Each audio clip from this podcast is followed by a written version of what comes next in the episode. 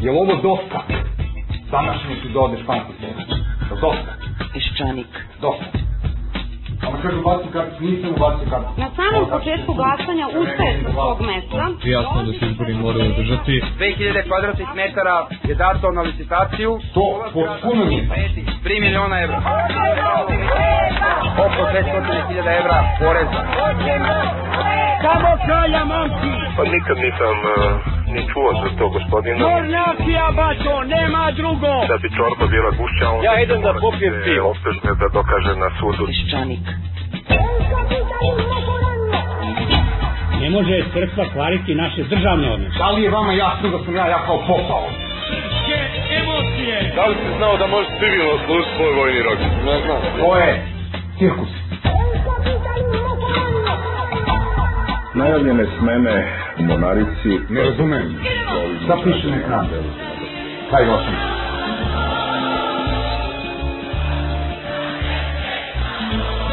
u toku istrage koja je započeta više poslušanjem pa ćemo vidjeti šta je prava istina. Peščanik.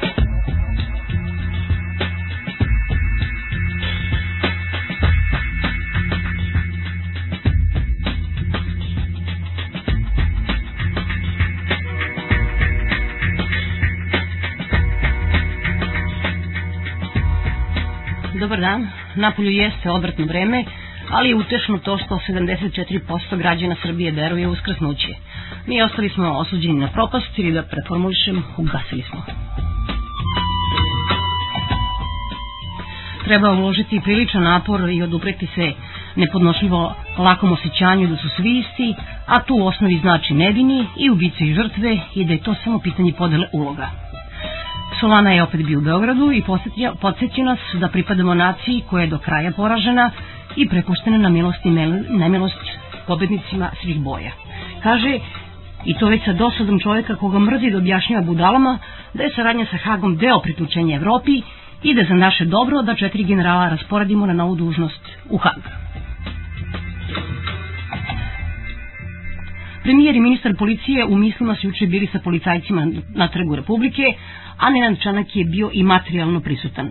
Do juče je ponavljao kako generalu Lukiću, ako je toliko zaslužan za hvatanje Đinđićevih ubica, treba dati orden, ali da su optužbe za Hag nešto sasvim drugo. Za samo 24 sata je promenio mišljenje i to i nije tako loše prolazno vreme, ume on da bude i brži kad mora.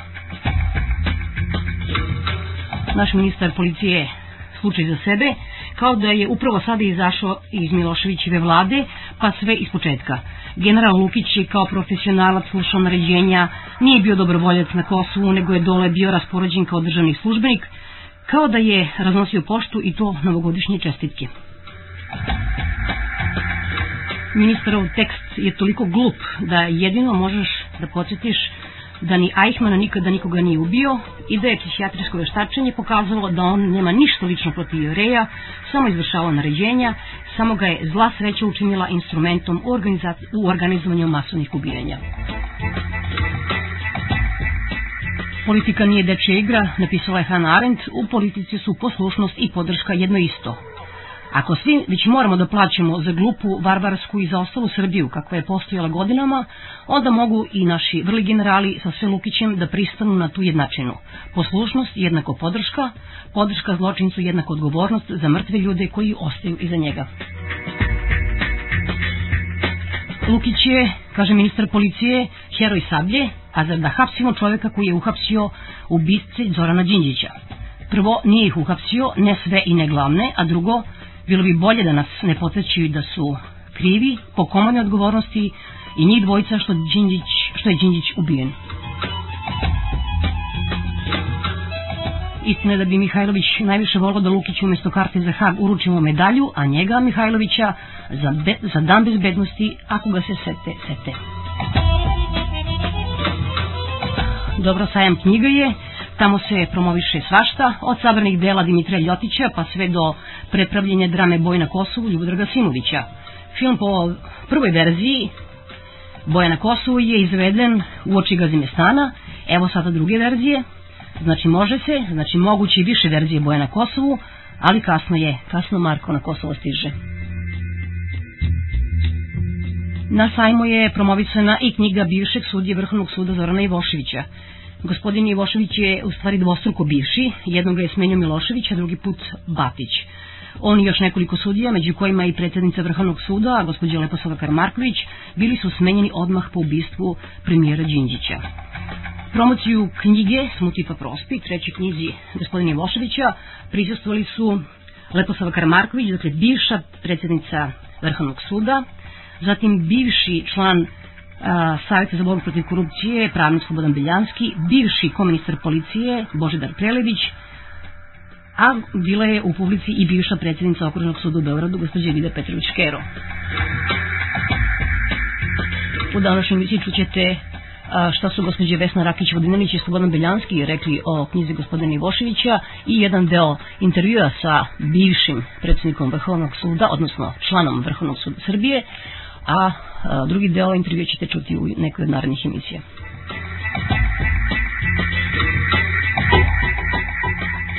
Mi smo svedoci jedne pojave na koju doktor Ivošević u svojoj knjizi vrlo dobro ukazuje a to je čitava jedna fenomenologija aspiracija izvršne vlasti od koje bi se mogla sastaviti čitava knjiga neodmerenih izjava visokih državnih funkcionera i političara. Tu su pretnje razrešenjima, pravljenje famoznih spiskova za razrešenje, stavljanje ministra u ulogu port parola sudova i tužilaštava, kritike i omalovažavanje sudskih odluka – Vrhunac je dostignut degradacijom pravosudnih organa u toku vanrednog stanja.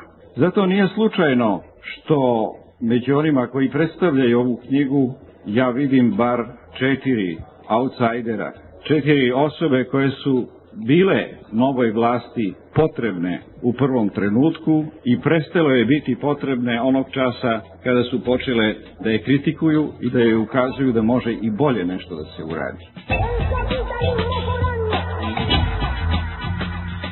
Posle okončanja policijske i para pravosudne akcije Sablja može se govoriti o dekadenciji ideje nezavisnog pravosuđa i pravne države, a broj destruktivnih primera legislativnih i administrativnih aktivnosti političke elite vezanih za pravosuđe, koji je uzgred da kažem praćen jednim govorom punim neskrivene mržnje, toliki je da se ne može prikazati u ovoj prilici. Ja ću pomenuti samo neki od tih fenomena, novi legalizam koji se pojavljuje kao ideja ideološkom kontinuiteta, izbegavanje redovnih pravnih puteva, odbijanje legitimnog suočavanja sa prošlošću, uporno odlaganje donošenja ustava, ponovna legitimizacija protivzakonitog profiterstva.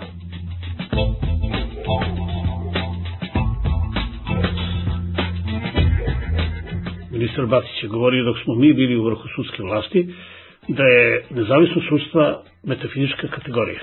Posle toga, kad je do, došao novi vrh sudske vlasti, odjednom je počeo da govori kako mi imamo nezavisno sudstvo. Ja bih volao da je tako, naravno. To je sudstvo, odnosno vrh sudske vlasti, je nastao u vreme varednog stanja.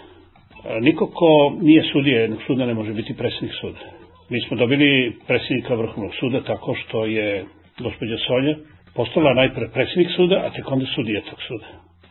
Do duše nije postala predsjednik suda, postala je VD predsjednica suda, ali je to postala zahvaljujući aktu VD predsjednika Republike.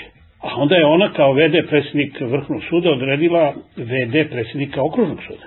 Da bi on kao VD predsjednika Okružnog suda odredio VD predsjednika Četvrtog suda. I sad imate jednu čitavu vertikalu od šefa države do Četvrtog opštinskog suda, a on nije beznačajan. Zato što je to sud nadležan za Zemun i za Sučin. I zato ste onda jednostavno i lako mogli dobiti nezavisno sudstvo. Naravno, pod znacima navode. Prema tome, iako su ti ljudi koje smo sada pomenuli, sada odista legitimni i legalni predsjednici sudove su među vremenu izabrani na ta mesta. Ja ne bih rekao da smo tako brzo i tako lako, da ne kažem baš olako, dobili to nezavisno sudstvo. Mi smo se borili za nezavisno sudstvo i u vreme Miloševića, baš kao i gospoda o kojoj sada govorimo, ali su se oni borili za političku nezavisnost i za novu demokratsku političku vlast. Pa da li je nekom padalo na pamet da ćemo mi sada da izdamo ta naša uverenja, znate, mi smo imali tada društvo sudija, pa naravno da ništa drugo od nas nije moglo da se očekuje nego da nastavimo to. Uprko su mnogim problemima koje smo imali, najpre u samom sudstvu, jer su naše kolege verovale da smo mi tu kao neka produžena ruka te nove vlasti. Ali kad smo mi ušli u sukob sa tim novim vlastima, onda je valjda njima postalo jasno da se mi zapravo zalažemo za nezavisno sudstvo. I to po svaku cenu.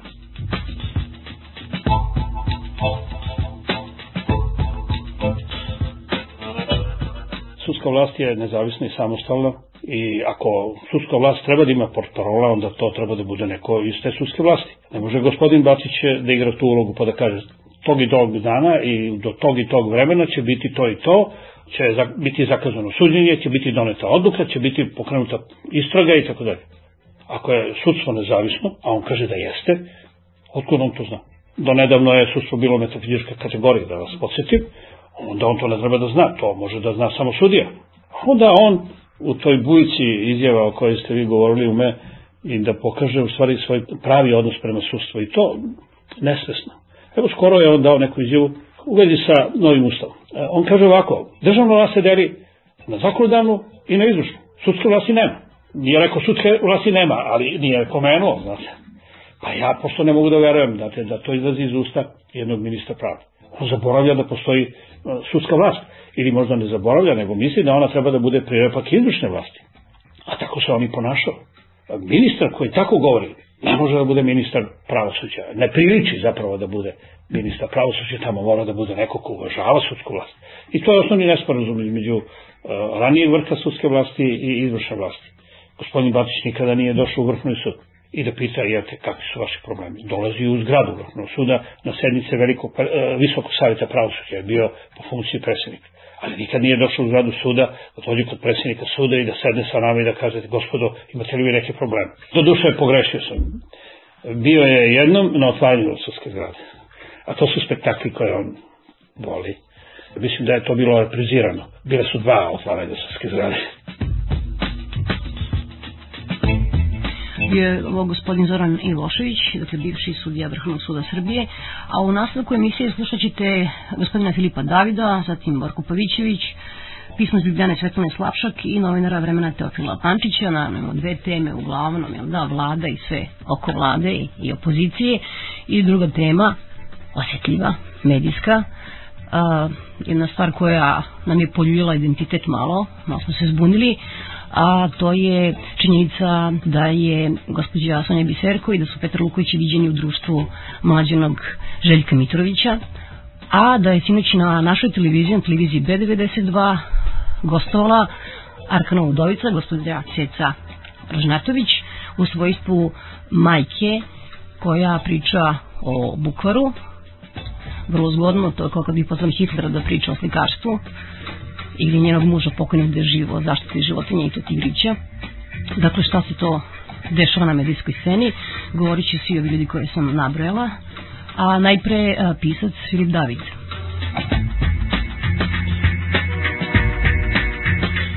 Ja moram reći da sam jedan od onih koji su imali simpatije za recimo ovu republičku vladu dosta dugo, jer znam neke ljude tu i privatno koji su sasvim u redu i znam ciljeve za koje se bore, ali se pokazalo da problem te vlade što je slaba, što je neefikasna, što je čak i da liceman određenim trenucima, plaši se da jasno izloži svoj stav i da ga brani.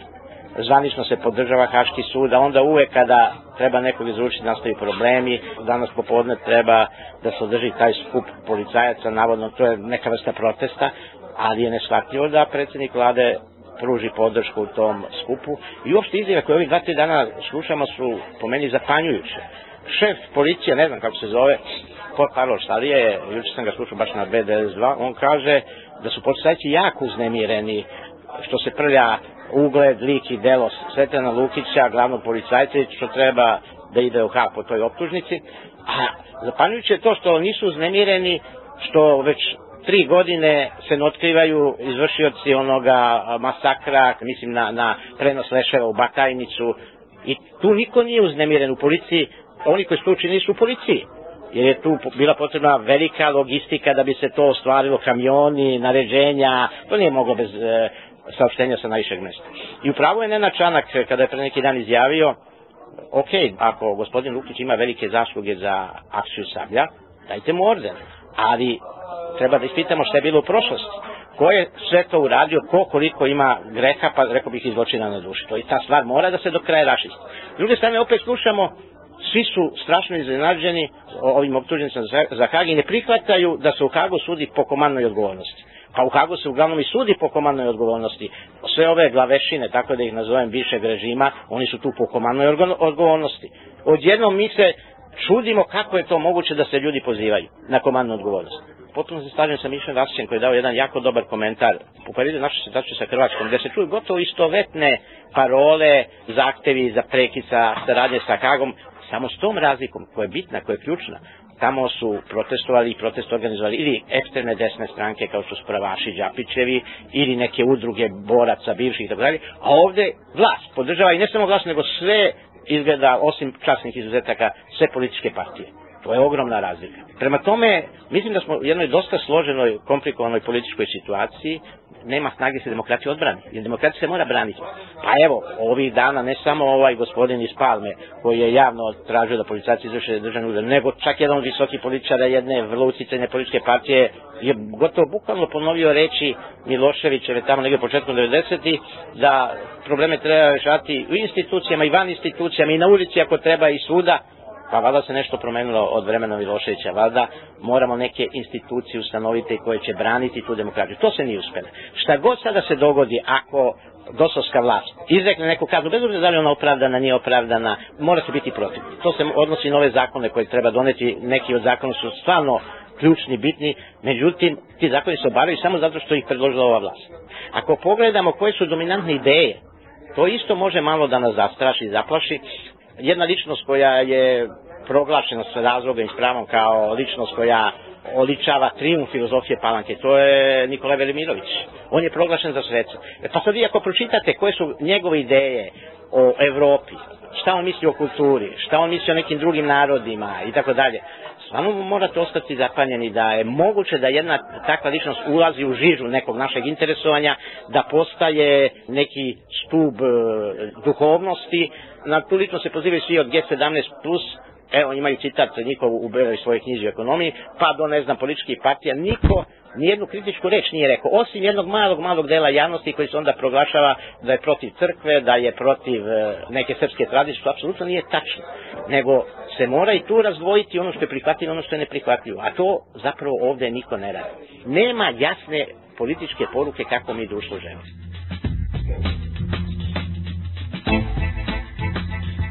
Ja nisam siguran da li će ova neka sledeća vlast, ako ova izgubi, ne biti bolja, možda i neće. Ali je došlo stvarno dotle da bi možda bolje za čitavo društvo bilo da i neka druga opcija malo preuzme odgovornost za ovu državu. Neka onda narod proceni, pa ako bude nezadovoljstvo i tom novom opcijom, budućom opcijom, onda će se vratiti možda obnovljena, osnažena ova reformska, kako je mi nazivamo, Mislim da bi to bilo verovatno korisno i za demokratsku stranku da malo ode u opoziciju, iako kažem ja strepim na određeni način od onih koji mogu doći. Razočaran sam malo u G17 plus, jer kad su se pojavili na, na sceni kao ekspertska grupa, delove su dosta sigurno. Kako su stvari odmicale, odjedan put su tu proradile strašno velike sujete. Rekao bih isto tako jedan e, jak politički pragmatizam koji se svodi na čistu borbu za vlast. Teško mogu zamisliti da da G17 plus pravi koaliciju, na primjer, sa Demokratskom strankom Srbije. Ali onda kod nas je sve moguće. Moguće do, da dođe do jedne apsolutno neprihvatljive, nedosledne, nelogične koalicije, a postoje se pitanje kakvi će efekti biti na naš ukupan politički život. Katastrofalno.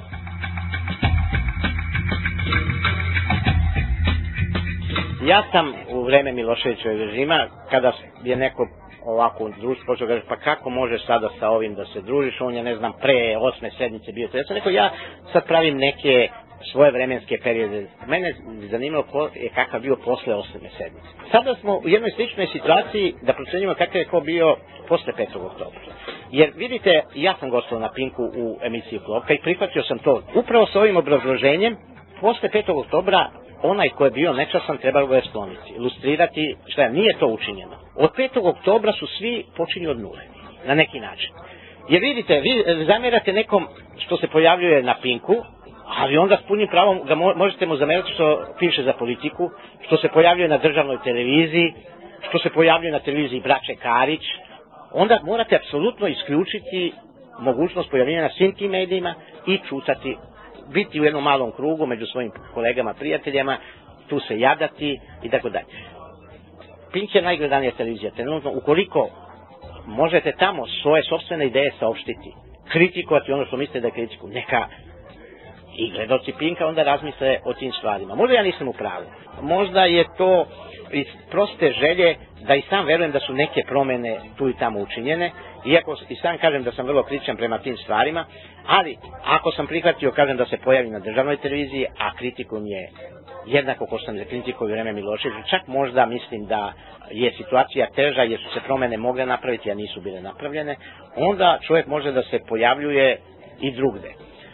Pa znate šta, ovako, meni je veći problem kad se ceca ili, ne samo ceca, ima tu i drugi lični pojavi na B92, jer ja B92 pre svega radio, koji sam slušao tih 15 godina i, i koji nam je svima bio neka nada velika gdje smo mi svi mogli da kažemo šta smo hteli, meni je veliki problem teško to prihvatam da na televiziji B92 mogu takve ličnosti da se poje. Mogu da se poje drugde, ali zašto baš na B92?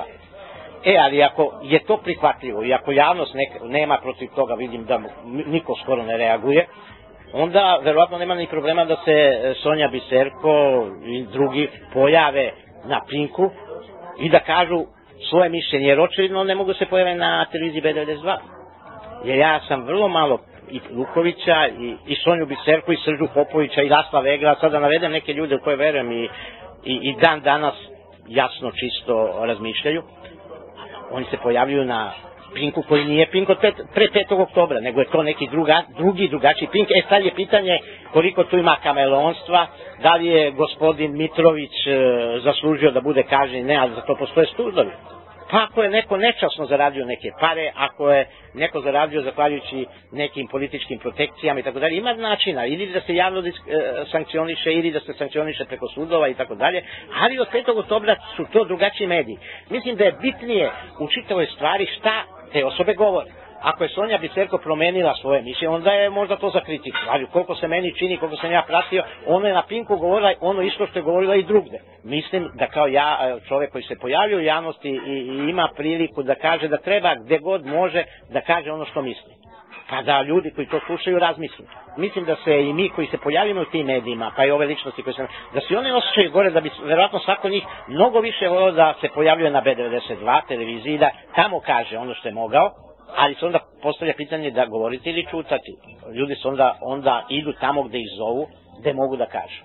A jeste, i to je deo te opšte jedne konfuzije, koja vlada na političkoj i na javnoj sceni, jedne totalne, rekao bi čak i dezorientacije, koja proističe dobrim delom, kažem, iz toga što odmah posle 5. oktobra nije učinjeno ono što treba. Od, po mom skromnom mišljenju, ne, trebalo je progasiti novu državu. Treba reći, ovo više nije ista država, ovo više nije Jugoslavija Miloševića, ovo je jedna druga država, drugim imenom ako treba. Ovo više nisu ti sudovi. Ostavljamo nove sudove. I na kraju krajeva ovo nisu isti mediji.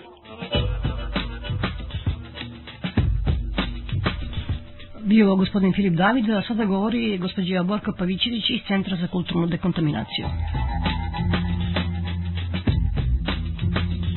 U toj vladi sede razni ljudi, iako ima i baraba, isto ko što sigurno ima i poštenih ljudi, to je napredak od odnosa gde imate čiste ubice na vlasti kakve smo imali. E, sad je pitanje sa ovom vladom koliko će ona uspeti da se izbori ili ne sa centrima moći o kojima je ovisna ili ne.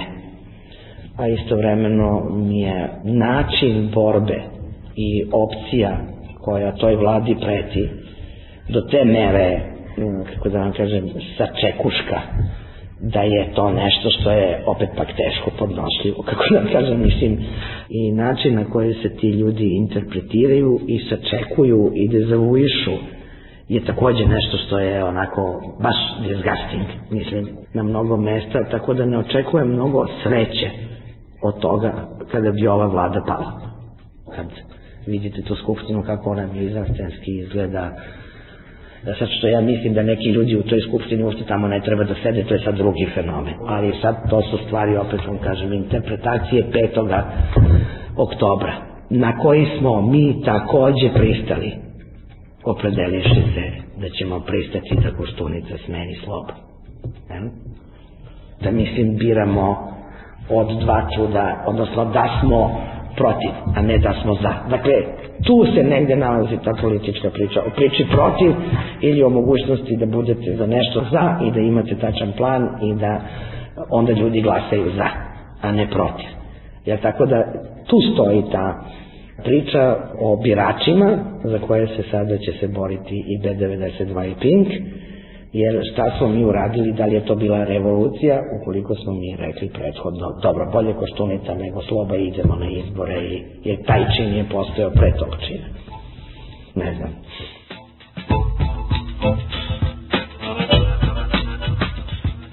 Jedan od aspekata te stvari je da je Željko Mitrović tranzicionirao odavno. On se dakle izborio za background, odnosno za osnovicu, da on može sada da dobija ili da gubi gledalce pozivajući Mirka Đorđevića u svoj studiju. A uzmimo to da se B92 nalazi sada u situaciji u kojoj on već zadobio, odnosno da sada mora da obavi tranziciju ili da se omasovi svoje gledalište. To je taman po onome po kome vi imate ljude koji će sada da kupe ono što nisu mogli da uzmu puškom. Pa su sad uzeli taj novac iz ove zemlje i sad će se oni vratiti kao kupci nas, jel? Ono što nisu mogli da rasele, popale i ubiju, oni će sad da kupe i doviđenja. A imate ljude koji sad moraju da se biju za svoj opstanak unutar tranzicionog tržišnog obe stvari su podjednako i užasno bolne pre svega ja mislim da promena konteksta menja tekst. Odnosno, da ja ne mogu izgovoriti ništa što će promeniti vas unutar onog znaka roze koji ljecka. Odnosno, mislim da promena konteksta unutar koga vi govorite znači promenu i vašeg teksta. Naravno da mislim da je pojava Gavrilovića na B92 povezana sa pojavom Filipa Davida recimo na na Pinku. Mislim da B92 ne dobija ništa dovođenjem Gavrilovića ili drugih u emisije. Mislim, vi nećete napraviti nikakav istorijski kompromis time, odnosno nećete ništa bolje uraditi za svoju stvar, jer je to kraći put. Vi gubite u stvari onda ljude. Po mom mišljenju, to je trebao da uradi RTS. Da je RTS mogo da bude ta državnost onda je bilo logično da se restaurira za tu mogućnost tranzicionira kako otvori RTS kao javni sistem. Onda bi ja sad rekla, dobro, ja idem na RTS zato što je to institucija te države koju kakvu takvu mi moramo da imamo. Taman onako ko što treba znati šta radi Narodno pozorište ili treba znati šta radi sud. Očigledno da to pokazuje da mi nemamo institucije, to jest da ta državnost se ne uspostavlja, nego smo mi sada u, u okviru partijskih borbi. Jel, da li je vlada pitanje partijske borbe ili je pitanje države? Sad govorimo nas tri koje se znamo i govorimo unutar jednog istorijskog procesa koje je nama poznat. Šta se dešava sa ljudima koji o tome nemaju pojma? bilo da nisu hteli da imaju pojma, bilo da su danas jako mladi pa objektivno nemaju pojma. Do koga sada to dopire i šta vi u stvari radite? To je, mislim, onako pravo pitanje za to. Dakle, o kome mi govorimo? O ljudima koji su znali da postoji Srebrenica ili o ljudima koji će sutra uveče na Pinku čuti da ona postoji, da je ona postojala. Uzmite sad ljude koji su prvi put u životu čuli od Mirka Đorđevića da Srebrenica postoji.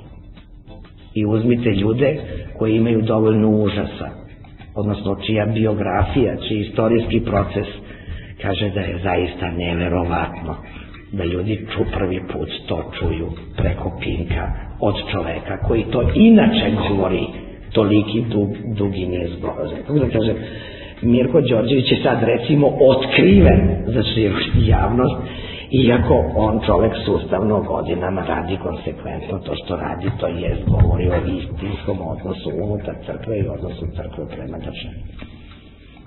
E sad, to je stvar koja je naravno pomućujuća potpuno po širinu gledalaca, srazmerno tome koliko oni već znaju šta im se u stvari događa i zavisno toga koliko oni pojma nemaju da tu ima nečega što je problematično ili blasfemično ili kontraindukovano ili ne znam šta.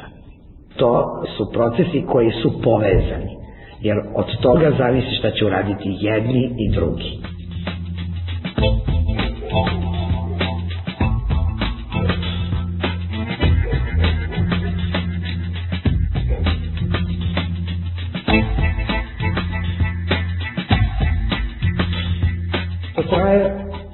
trenutka u kome je Ivan Đurić rekao na mitingu braća. I ja sam provela recimo celu noć s njim raspravljajući o tome da li će on dobiti glasače time što im je rekao braća. Ja naime mislim da ne. To ja mislim da je beskorisna radnja. Jako dugo se sklapaju one vrste kompromisa koje da se nisu sklopile tada bi možda ta opcija bila bitnija od one opcije koju sad imamo ponovo da biramo između ovakve vlade kakva ona jeste i koalicije ekonomsko-popovske. Da smo mi dovoljno mogli da verujemo da opcija koja je građanska, je tako da je nazovem, i opcija koja je liberalna, da ona može da pobedi ukoliko ne stvara kompromise. Jer je ta opcija uvek dočekivana kao manjinska da smo je dočekali kao većinsku, možda bi ona danas bila većinska. Kako da kada je ona ojačavana verom. Pink je u stvari formirao tu dilemu. I druge stvari, jeli? ali uzmimo ga sa simbolski. On je u stvari e, destruirao, odnosno razgradio kulturni i ideološki kontekst i relativizovao ga. On je svesno ili nesvesno razročkao to što se zove identitetom. Kad razorite kontekst, kad razorite istoriju, kad razorite kulturu, kad razorite, bez obzira sad na način, da li se sad to radi o pevačicama ili ceci, jel, koja je stvarno sasvim sporadična. I pošto je Pink obavio taj posao istorijski, počeši od prenosa Arkanove svadbe, pa nadalje, uvodeći taj po u osnovi kolonijalan. E sad pogledajte vi paradoksa. Imali ste nacionalno, nacionalno, nacionalno i onda to nacionalno, pup, kolonijalno. I onda sad vam se u tom kontekstu javljaju lica koja su upravo radila nešto drugo svih tih godina. Odnosno, kako da kažem, večera je drugačije nameštena. E sad, to je stvar izbora ja ne mogu jesti jelo sa daće. Pismo iz Ljubljane Svetlana Slapšaka. Dobrodošli u istoriju. Svi mi koji smo bili u blizini rata i ratišta poznajemo osjećanje izdvojnosti dok smo posmatrali ono što nam se dešavalo pred očima. Vreme se podvojilo, jedan deo zavistan od nas zastao je, drugi je tekao. Ovaj zaštitni mehanizam koji nam je pomagao da sačuvamo razum, doveo je do daljih poremećaja i kod mnogih se završava kao neprihvatanje realnosti koje je vreme donalo. Sve ovo dobro poznato, jedan je problem da se nađe odgovarajući broj terapeuta za posttraumatsko stanje i drugo da se nađe vlast koja hoće da terapiji podvrgne veći deo glasačkog i neglasačkog tela. Stvar je skupa, dakle i beznadežna. Pa ipak za one koji hoće da se sami leče, postoji niz postupaka koji mogu pomoći. Prvo treba razumeti da se posle godina crno-belih ili opšte sivih opredeljenja danas sklapaju veze koalicije i savezništva koje se ranije nisu mogle ni zamisliti.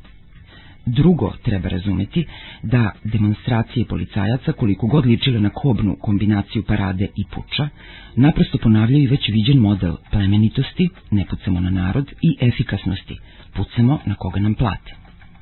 Treće treba razumeti da je ključni postupak za hvatanje optuženih ratnih zločinaca zidanje nove zgrade suda, posle čega treba pustiti razumnih 15 godina političke stabilizacije kao i uhodavanja suda, u kojima će deo zainteresovanih pomirati, a delu više neće štetiti hvatanje dotičnih. Četvrto, treba razumeti da ludilo ostatka sveta realno pokriva naše domaće. Dovoljno je navesti primer donatorske konferencije za Irak, koja će dati jedva malo više novca za zaostalu zemlju nego što je pakt stabilnosti dao malim postjugoslovenskim grabljivicama. Nije slab primer ni prizemljivanje Konkorda. Umesto da po svetu letimo brzim, sigurnim i konfornim avionima koji bi smanjili zagađenje i promet, suprotno lažnim tvrđenjima, američki monopol je uspeo da sahrani evropsku ingenioznost. Naučimo se da kapitalizam nije povezan sa progresom. Peto treba razumeti da će predsednike i predsednice skidati kako snajperom, tako i glasanjem i za mnogo manje ciljeve nego što ih sada slušamo u Skupštini. Šesto treba razumeti da se pojmovi demokratija i jednakost ne poklapaju i da, nažalost, ljudi nisu odgovorni za ono što su mislili da su hteli. Odgovorni su samo za ono što su uradili. Pa ako nisu uradili nešto što je zapravo nemoguće, jer se demokratija i jednakost ne poklapaju, onda je neobično glupo optuživati recimo radnike, koje i onako niko ništa nije pitao od samoupravljanja na ovamo, da su hteli kapitalizam, koji ih nenadanom brzinom sada vodi ka bednome kraju života. Sedmo treba razumeti da ni u demokratiju, ni u jednakost nisu upisani ljudska solidarnost, razum i poštovanje drugoga, tako da glad i beda ne oslobađaju odgovornosti za pasivno, a tek aktivno podupiranje rata. Više se razloga stila nego zbog oskudice tema zaustavljam se na mitskome broju 7. Posleratne godine mogu izgledati absurdno i ludo zato što teku ujednačenim vremenskim tokom. Vidimo da smo u pličaku vremena i možemo se brzo podići i udaljiti. No ne treba se zavaravati. To udaljavanje može proizvesti na duge staze mnoge loše posledice, recimo rat. Zato čitajmo i primećujemo. Smešne policajce, eleganciju Konkorda koji više neće poleteti, ko nastupa sa kim na koji televiziji, ko se sramoti misleći da više niko ništa ne primećuje, ko se smeje u brk onima koji primećuju.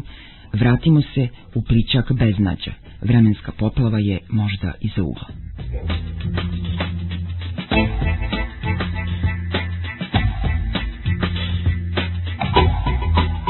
A sada Teofil Pančić to je jedino što je kvalitativno novo u celoj toj znači, situaciji, to je da će jednog dana ovi koštuničini prestati da se stide ono što su kobajagi se stideli, dakle da s radikalima i socijalistima i ovim Markanovcima, jel te, zajedno ono krenu da, da ruše vladu ili već šta da rade. Dakle, bilo je sad pitanje vremena kad će oni da kao skupe petlju i da, aj sad idemo. Znači, to i jeste novo i nije novo. Ono što je možda novo je to da u svemu tome na ovaj onaj način učestvuje G17+. Šta ja znam, mislim da si me pitala pre par meseci ko su ti ljudi koje ja negde ipak ono imam najviše poverenja, ja bih ti verovatno rekao da su to oni. Međutim, oni su se slizali očigledno sa, sa ovim, uh, ovi, ovi prijatelji rezidenca, ovi, što su im rezidenci simpatični. Da, ovo nije novo, ali problem je u tome upravo što nije novo. Ono što je Živković rekao, da je Tači dobio poslanik u Skupštini.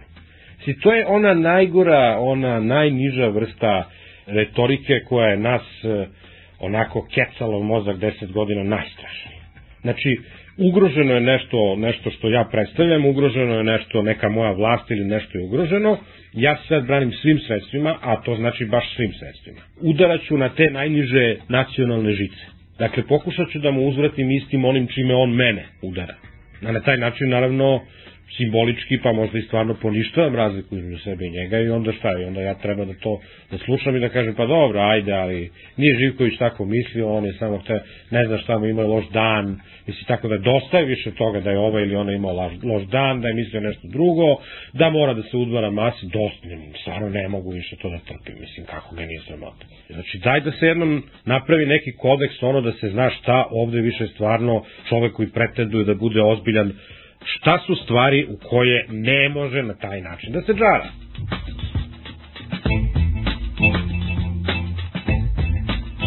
Da li si možda čuo juče Dragana Markovića Palmu? Ili bio na putu? Pa to je onako simpatično, to je jel tako kao što su rezidenci simpatični, tako i ovo simpatično. To je onako jedna stvar koju Srbin voli naravno taj Srbin koji je Dragan Marković Palma, taj mentalni sklop, to je ono što mi slušamo od, u najmanju ruku tamo negde od kraja 80. godina kad su se zaoštrile suprotnosti u bivšoj federaciji, ma daj da vojska udari šakom o stoj da zavede red. I gomila nekog navodno onako strašno poštenog i dobronamernog radnog sveta naše zemlje je to, tu vrstu logike prihvatala kao nešto najnormalnije. Eto, evoluirali smo samo u toliko što više gleda nije vojska nego policija. Dakle, polako se krećemo ka civilnom stanju, možda jednog dana onako izbacimo uniforme potpuno iz te priče, ali eto, za sada smo dotle Da, sad šta je tu onako totalno bizarno?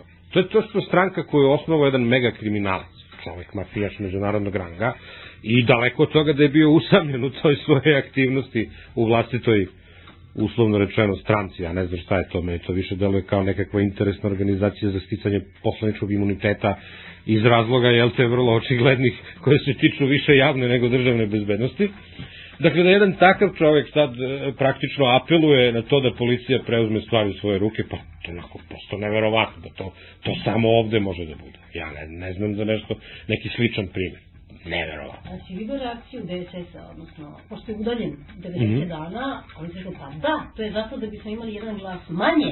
To ti govore ljudi koji su stvarno lega, a, legalisti. Da, legalisti, pa dobro, mislim, i policijski i državni udar može da bude lega, legalan ako ga ozvaničimo, tako? Ti izvršiš državni udar, onda dođeš u skupštinu i kažeš da vi to odobravate, onda 126 poslanika digne ruke kaže odobravamo i onda ti imaš legalan državni udar. I Kostunica je miran i svi su mirni i svi su srećni. Mislim, Možda ljudi to tako zamišljaju. I onda im je sad problem, recimo, ako Palma ne može da učestvuje, da možda im fali taj jedan glas za legalizaciju državnog udara. To je onako bizarno, ali ja mislim da ti ljudi stvarno, stvarno ne znaju više, govorim sad naravno o DSS-u, ne o Palmama, oni imaju sad veliki problem, oni su se zaleteli u jednu jako krupnu, jako ozbiljnu stvar i prvi put im se desilo da nešto u što se oni zalete ima šansu da op, onako u operativnom smislu reći uspe.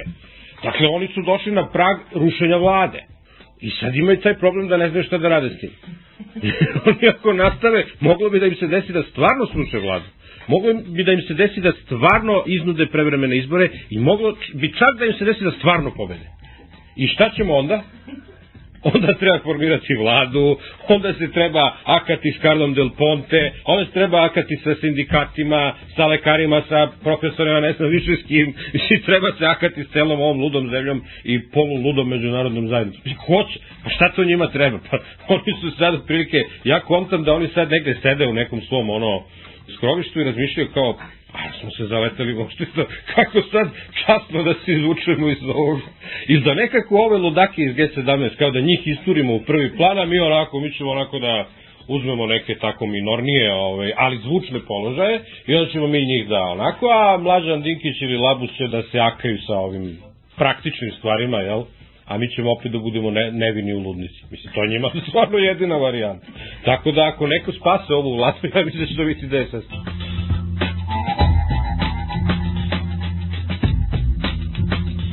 Odjednom i Živković i Boris Tadić, pa kako komandna odgovornost, pa on njih po komandne odgovornosti. da, da, Pa to je... On je potpuno izgubljen, mislim, on, je, on ide okolo i priča i više ne zna ni šta priča i utice kao, da misli, ako predstavim da priča, da je pala vlada. Da, pa, jes, jes. Da, da. Meni je najslađi detalj ovaj, kao da ne idem u Brazil, učestvovao bih na demonstracijama policije, kaže Živković. To je potpuno, pa ja bih na njegovom mestu onda otkazao put u Brazil. Mislim, ideš Brazil, ovo je mnogo veća, mnogo, ono, u Brazil možeš da odeš kad hoćeš, a ovo je stvarno jedinstvena prilika da vidiš ovako jednu stvari da učestvuješ u njoj. Da, oni, oni svakako su se tu pogubili, a opet s druge strane nisu smeli da se pogube, jer ne dešava se sa ovom famoznom optužnicom za četvoročlanu bandu, da se prisetimo kineskih drugova, ne dešava se ništa što se već nije desilo recimo u Hrvatskoj. Dakle, imaš generale koji su, što bi rekao Lazarević, nisu vodili privatni rat Dakle, oni su po nalozima državnog vrha svoje zemlje branili nešto što je nesumnjivo legalno od teritorija njihove zemlje. Lično nisu nikoga ubili, realno odgovornost likova tipa gotovina i tako je ista ta komandna odgovornost. Naravno, ponavlja se ista priča. Kao što nama nije smetalo da optuže gotovinu, tako sad nikome u Hrvatskoj ne smeta da optuže ovu četvoricu, Ali svi, svi misle da su oni izuzetak i da to nije lepo i da to nije u redu. Pošto mi tražimo Tačija i Haradinaja. Jeste. Ista, to je u, u osnovi strukturalno ista stvar. I onda se tu ono ganjamo za sopstveni rep i ne znam, meni je ovo malo onako naivno sad ta priča, ne znam, pa rekao je Prosper pa kao pa može da kaže šta hoće, to njega ne obavezuje. tribunal će se uvek moći pozvati na svoju nezavisnost i uvek će moći da kaže nas ne zanimaju nikakvi dilovi, ne znam koje administracije, mi smo dali nalog, mi očekujemo da te ljude vidimo u Hagu. Možda ćemo mi posle da vam ih vratimo, ali prvo da oni dođu tamo. Ja mislim da već i ranije bilo tih slučajeva da su se oni zanosili ovi naši idejama kako ne znam, taj taj, taj Milan Milutinović, te ove, to je, neće ni morati da ide, a su svi otišli. To ja ne vidim kako će i ovo moći da se, da se izbegne, a obaška što, što reče neko, bio Miša Ramač ili ko ovih dana, kaže, svi govore o generalima, niko bre ne govori o optužnicama. Niko ne govori šta piše u tim optužnicama. Alo bre, tamo ima sveta koji je ubijen i koji je nedužan. Dakle, imamo leš, daj da vidimo ko je ubica. Više ne može da ne bude niko ubica. Znači, neko jeste odgovoran, neko jeste kriv. E, mi bismo to volili da tako, to sve tako prekrije Ruzmarin, Snjegovi i Šaš i idemo dalje, nikom ništa. Pa ne može to tako, mislim. To bi moglo da tribunal uopšte ne postoji. Ali tribunal postoji i tribunal radi. U ovom slučaju mi govorimo o četvorici ljudi koji nisu tako izvučeni ko neki zečevi šira. To nisu naivne ličnosti, to nisu neka božja jagnjad, to su ljudi koji su bili na čelu tih policijskih i vojnih formacija u to vreme. Ja neću da budem toliko nadobudan pa da kažem krivi su.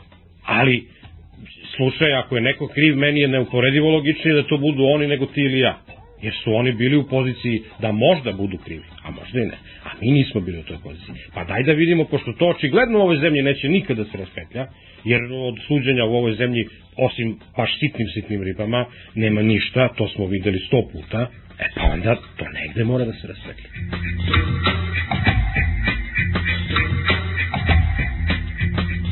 Druga priča, Mladić e, ovo je nama zbog mladića, oni nas ucenjuju zbog mladića i tako dalje. Pa ajde da vidimo, recimo da razmotrimo mogućnost da je to to. Onda bih ja postavio pitanje, a što ste vi dopustili da vas dan danas za famoznog mladića ucenjuju? Gde vam je taj mladić više? Ne znamo gde je. Prvo, ja imam problem da poverujem u to.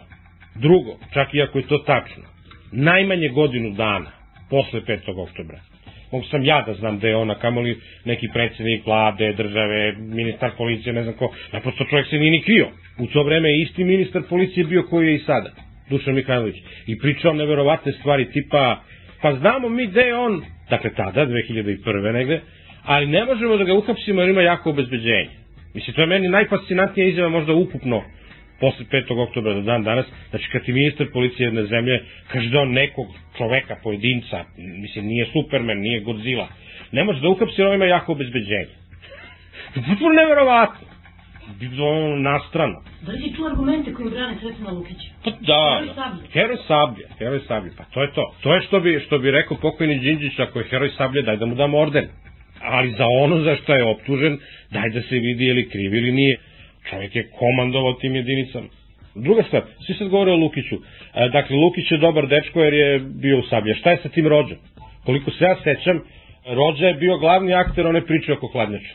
Znači, dobro, pošto Rođa nije naš službenik sadašnje vlade, pošto on tamo negde u Moskvi i tako dalje, onda njega nećemo da na osnovu čega da ja treba da pretpostavljam da je Rođa loš dečko, a ovo je dobar dečko. A radili su zajedno, bili su potpuno u istoj priči. Možda je to tako, možda je ovo stvarno dobro, ovo je loš, ali i to opet mora negde da se, da se vidi i negde da se dokaže zašto bi sad ceo svet mora da veruje Dušanu Mihajloviću na reč. A opet ta priča kako to sad vladi našoj nešto pravi probleme, što je baš sad podignuta optužnica, pa ja ne verujem da bi bilo kad da je podignuta optužnica da bi oni rekli, e, dobro što ste sad podigli, sva sreća vi ste pre dva meseca ili za dva meseca. Pa nema to, mislim, uvek je trenutak je uvek nezgodan, jeli? Kad treba nešto da se obavi što nije baš jednostavno. A ima možda čak istine u tome da oni čak mogu da iskoriste ovu situaciju za tu, da, da bilduju vlastiti patriotizam. I ostalo mi same te demonstracije koje su očigledno u organizaciji vlasti, ja ne znam to drugačije potumačeno. Dakle, one jesu neka vrsta onako laganog bildovanja patriotizma na onaj sličan način na koji je to, da se opet vratim na tu paralelu i Račan radi u Hrvatskoj, naravno nikad direktno, nikada ni on formalno stajao iza toga, ali ta neka struktura post HDZ-ovske vlasti je isto tako sudelovala u tome da se malo onako da se zaturi taj gotovina, pa kad je bio Bobetko, svi, svi su već zaboravili Bobetka, oni su njega onako, bukvalno ko da su mu bili telohranitelji do smrti, kao daj da izdržimo nekako još dva meseca dok stari ne odapne, pa da ga čuvamo, a ono, i na kraju će mi ispasti neko koga je sačuvao. a onda je on umro i onda je to već viša sila i onda pojeo Vuk Magarca i gotovo, a mi smo patriote. E, mislim, sad, pretpostavljam da se sad tu radi neka slična priča. Ili će možda bude neka trgovina tipa, pa evo daćemo vam Pavkovića, on čovjek i onako nema više gde da boravi, nema čovjek stan. A ne dirajte nam Lukića. Ili tako nešto, ko zna.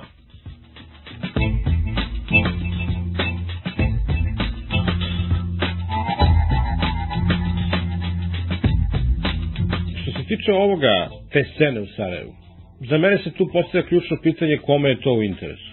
I meni je tu interes Željka Mitrovića savršeno jasan. Dakle, on čovek širi svoju, pre svega širi svoju imperiju. On je u prethodnom periodu obezbedio, legitimizovao svoj status nakon 5. oktobra u Srbiji. Dakle, on je mogao da propadne, nije propao. E sad se širi na druga tržišta. Ako je u pitanju Bosna, pre svega federacija naravno, imena ljudi kao što su Sonja Biserko, Pera Luković, su imena koja otvaraju svaka vrata. Ne moraju ništa da urade. Ništa oni ne moraju tu da urade. Dovoljno je da postoje. E sad šta je njihov interes, to stvarno ne znam. Mislim, govorimo o ljudima koji su, znači, moji prijatelji, kolege, ljudi u kojima se valjda u 99% stvari slažem i zato neću da verujem da oni imaju neke loše motive. Neću, odbijam da, možda oni imaju, ali ja odbijam da verujem u to. Odbijam da verujem da je u pitanju nekakav nizak interes bilo koje vrste, materijalne, političke, ne znam koje, naprosto to neću da razmatram dok god me neko ubedljivo ne demantuje. Dakle, hoću da pođem od najčasnijih mogućih motiva, ali naprosto tu imam jednu polemičku reakciju. Ja pre svega ne verujem u to da ti ljudi koji gledaju Pink uopšte žele da budu ubeđeni u bilo šta, da njih to uopšte zanima, da njih to išta znači. Ja mislim da će oni naprosto, da oni kad vide Filipa Davida na televiziji, oni naprosto promene kanal. I to ne zato što je njima Filip David politički antipatičan, nego zato što im on ništa ne znači. On u njihovom koordinatnom sistemu ne postoji. Ni kao pozitivan lik, ni kao negativan lik. I nikad neće postojati. Njima je to jednostavno, ako uopšte razmišljaju o tome, u što sumnjam, oni mogu to da shvate kao, pa eto, gazda Pinka kupuje sebi indulgenciju, pa eto, mora jedan sat dnevno da ima i takve sadržaje, a u principu mi ćemo da se vratimo kad se to završi, umeđu vremena će gledamo nešto drugo i teraj miško. Ta priča kako će sad, ne znam, 500 miliona ljudi da čuje o krivici, o odgovornosti, o ratnim zločinima, o svemu tome, ne. Ja, u ostalom, nikad nije ni bio problem u širenju tih ideja. Ja mislim da je uvek, čak i mnogo gorim medijski neprohodnim vremenima, svako ko je hteo da zna šta se dešava, mogao je da zna. A kamoli danas. Bojim se da ta strategija ne donosi nikakve rezultate.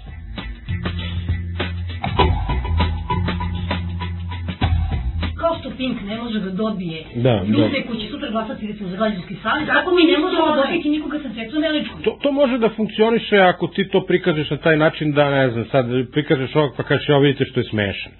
Ali prvo mi znamo da su ti ljudi smešni. Mislim, to ko nije do sad shvatio, taj neće nikad ni shvatiti. A drugo, najčešće nekako, ako tako postaviš stvari, nekako svi pomalo ispadnu smešni i onda se sve to opet pretvori u jednu, na kraju se nešto, sve se to nešto izniveliše. Ja to ne razumem. Ja sve što ja mogu da kažem je da ja tako nikada ne bih radio. Bez obzira na to što recimo nokaut uredno gledam i Maja, koju sam ja povremeno gost kad me pozove nekoliko puta sam bio i šta ja znam. Mislim da ona to dobro radi, ali u toj ključnoj stvari ja nju ne mogu da shvatim. To ti je kao što u vremenu imaš ovu, ovu rubriku ljudi i vreme gde ti imaš uredno onako izjave, makom izjave nekih idiota, tako nekih ono retarda, sa estradne scene i tako dalje i onda mi sad prikazujemo svaki put na duplerici kako to strašno smešno. I koliko ja znam, ta rubrika je strašno čitana. To je, to je ono što mene uvek iznenadi. Sad dolazimo možda na to da, da je problem u nama, u našoj publici, u onom delu ko, naše publike koji je onako voajerski. To su oni ljudi koji gledaju Pink zato da bi ga pljuvali. Ja ne gledam Pink, jednostavno ga ne gledam. I tačka. Ali izgleda da smo mi tu, ove, kako ste vi ovo rekli, ekstremistička frakcija. Fundamentalistička. Da. Ne znam, možda je to neka tranziciona panika ljudi koji moraju da odlučuju o parama, o egzistencijama, ne samo svojim, nego i tuđim, možda jednostavno kapiraju da to sad mora tako da se uradi. Meni je to, mene to podsjeća onako to na ono nadgornjavanje opozicije sa Miloševićem u nacionalizmu. Dok su god pokušali da budu veći nacionalisti od njega, oni su gubili izbore, jer nisu mogli da budu veći nacionalisti od njega, koliko god su se trudili. Naprosto on je čovjek bio markiran kao patriota nad patriotama, pogotovo još u koaliciji sa Šešeljem i tačka. Tako i ovo, razume se da ne može vreme biti komercijalni od svedoka, na primjer. Ne znam, da ne može B92 nad komercijaliti Pink. Možda može jedno veče kad ima ligu šampiona, ali već drugo veče ne može. Nema, nema, nema svako veče ligu šampiona. Ili, ili ne znam, ako je radio u pitanju, na primjer, ako je, evo, uzmi muziku koja je nekako prosto znak prepoznavanja svakog radija, ranije si mogao na radio B92 i bez, bez da pogledaš, kad čuješ muziku, znati da je to radio B92, sada ja ne, ne, ne, ja mogu pustiti 92, a da mislim da sam možda uključio radio politiku ili, ili ne znam već šta. Sve ide ka nekoj nivelaciji, da to vodi, nemam pojma. Zar to ne vodi u krajnjoj liniji negde toj vrsti potpune pasivizacije, kako da ti kažemo, ljudi koji to slušaju i koji gledaju i onda govore sve to isto, svi su oni isti i konačno, odnosno negde je posledica da kažeš da ideš od svega, da se sakriš u kuću, ono, moraš da bežiš kad čitaš naslove novina i ako, ako se sve to niveliše, to prosto pasivizira ljude. Što je naravno najgore. Jer će pasivizirati naša, mislim, da, da. naša, a ovi će i oni nikad nisu pasivizirani. Ma hvala Bogu, nikad neće biti, da, da. Pa da, jeste, pa na kraju se opet sve svodi na onaj džingl, ono, unutrašnjim emigrantima, između četiri zida, između knjiga i ploča. Mi na neki način tako je abdiciramo. Za sve vas i za spušteni proletni, između četiri zida, između knjiga i ploča. Za unutrašnje emigrante. B92 imam pravo da budem patriota, imam pravo da budem srpkinja, jer ja to jesam. I to ne može niko da mi oduzme. Ako je to greška, žao mi tu grešku ne mogu da ispraviti. Dame i gospodo policajci, okupili smo se da kažemo i Srbiji i svetu da je optužnica protiv generala Sretena Lukića optužnica protiv svih nas. Pošli se oboje u školu, a idu u britansku školu. Isključivo sam ih zbog učenja jezika upisala tamo, jer mislim da je poznavanje jezika prozor u svet. Tako da bih voljela da moja deca zaista govore više jezika, jer im je tata bio baš poligot pet jezika, Željko govori. Perfekt. Peščanik.